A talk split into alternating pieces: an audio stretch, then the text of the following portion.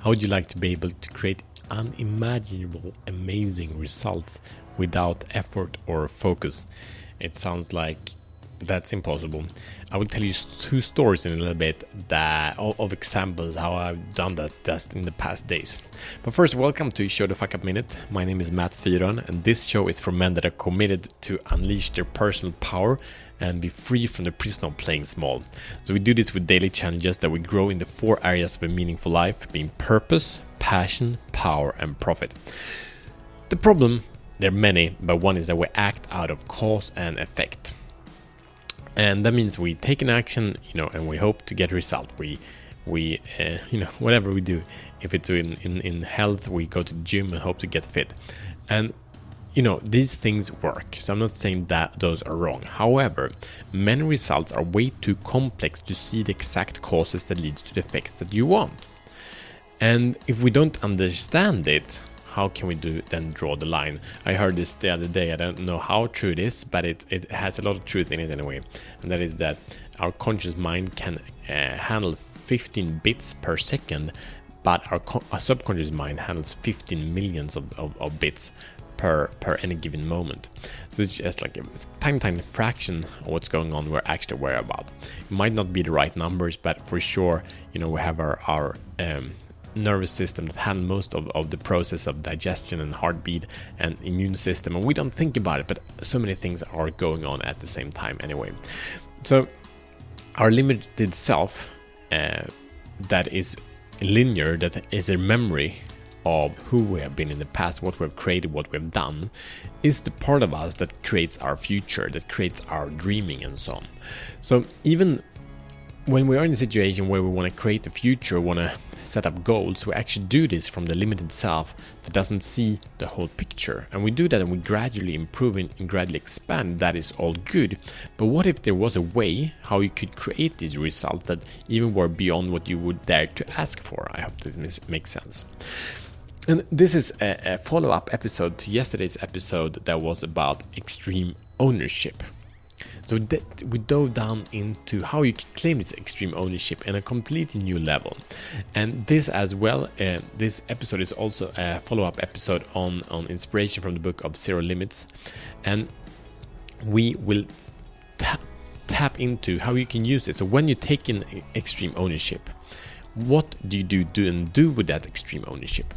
Because in yesterday's episode, we, we claimed ownership of everything that's going on in our life that we know is, is kind of ours, our feelings, our emotions, our reactions, and our, our results, our fruit. But then we have all these people around us and all these kind of results that other people have that have an effect of us. And we said yesterday, I'm going to take ownership of that.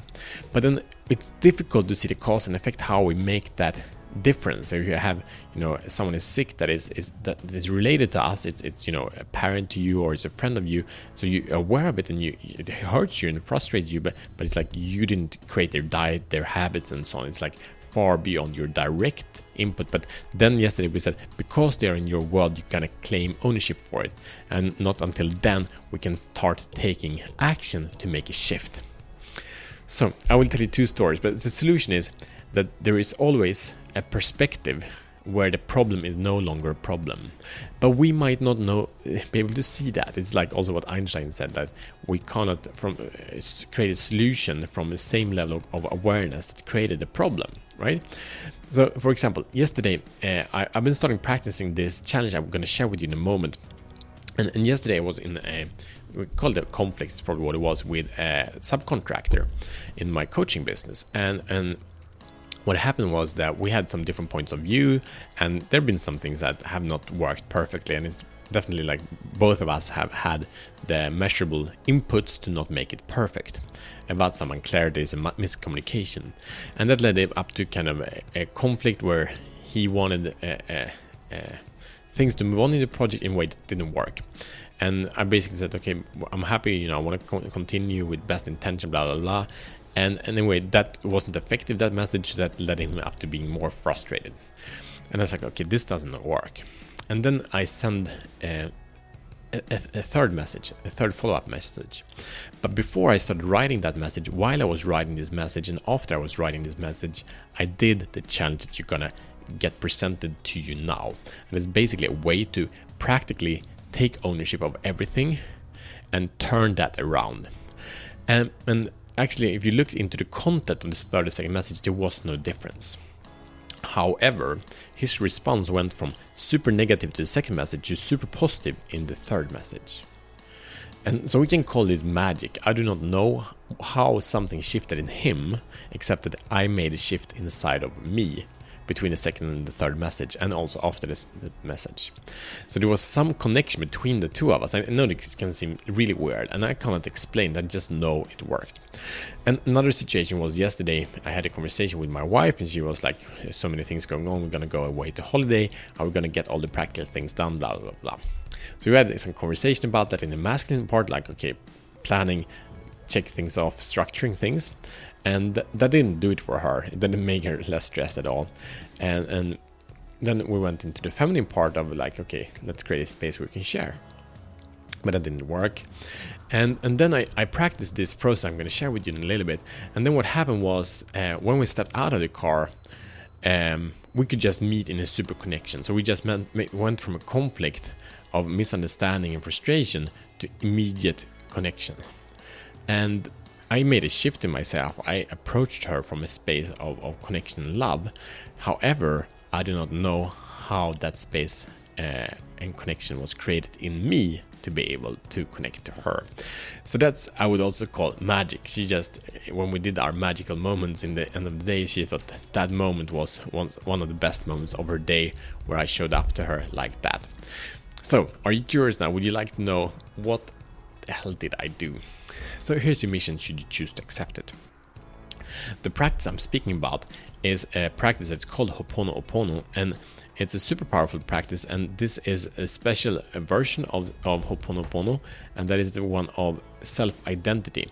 It's where we really claim all responsibility ourselves. It's taught by um, Ihaleakala Hew Len, uh, PhD, and it's from the book uh, Zero Limits with Joe Vitale. And what we do here is that there is a prayer. It's a very simple prayer, but the prayer does not uh, work without yesterday's episode of, of the complete total ownership. So the prayer is this: that we say one of the most most four powerful statements, being, "I'm sorry, please forgive me, thank you, I love you." But what we do there is not only that. When we do this, like for example with my my subcontractor yesterday, I said, "I'm sorry," and thank you, and I love you. And just by, I did that in my mind, didn't send messages, that would be super weird. But I did that, I shifted my experience of the situation to a situation of gratitude, to experience of, of recognizing that I was responsible for it, but not in a way that brought heaviness to me and guilt and shame. But I created this. This is not what I want. I, I bring. I put love into the situation, and therefore he responded with that. Therefore my wife responded with the same but really starts with I claim ownership. Since he was annoyed, he might have been annoyed from from someone else that happened in his life. I don't know, but I know that since his frustration, disappointment was in my life, and that's my life experience, it must be because of something I've done. So I claimed ownership for that, and I took this process of clearing is what they call it.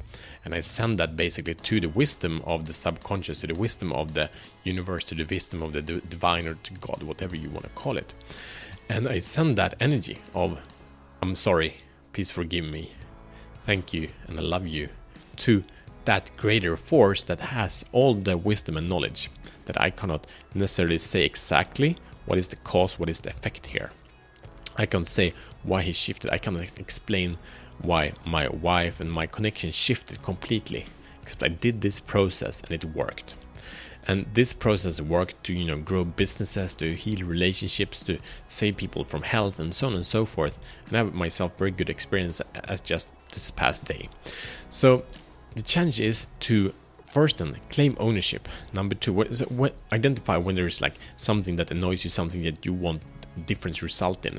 So it might be a specific problem, it might be something very, very general of an area, say like your your health. You want an improvement in your health. You don't know how to do it. You can start with this process and transform your health by just saying to your health, speaking to your body these words. And and also I've been focusing a lot on the words of I love you because that's kind of the end result. It depends on where you're at. but use them all.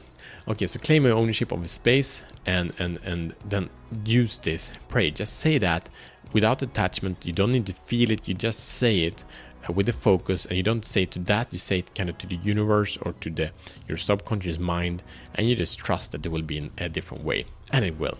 So really enjoy this process. This is one of the most powerful strategies to get into power, get into connection that is beyond your personal imagination. So this is super cool. So uh, we also have a gift for you. And before before I share about that gift, I want to invite you to subscribe to the show. We have challenges every day that allows you to show the fuck up, generate new amazing results, being happier and being more fulfilled. And this gift we have is a roadmap that shows you where you're at, where you're, you're stuck in your life, and what you can do very practically, very simply, just with a few words, what you can do to take next step. So usually we try to solve problems that we don't have or that we don't need to solve right now. We don't have the timeline clear to us. Here you get the timeline step by step, so you know, oh, I'm there, but I thought I was there. By that you can really move your results forward really quickly. So download that at showtfapp.com backslash road to power and see you tomorrow as better men.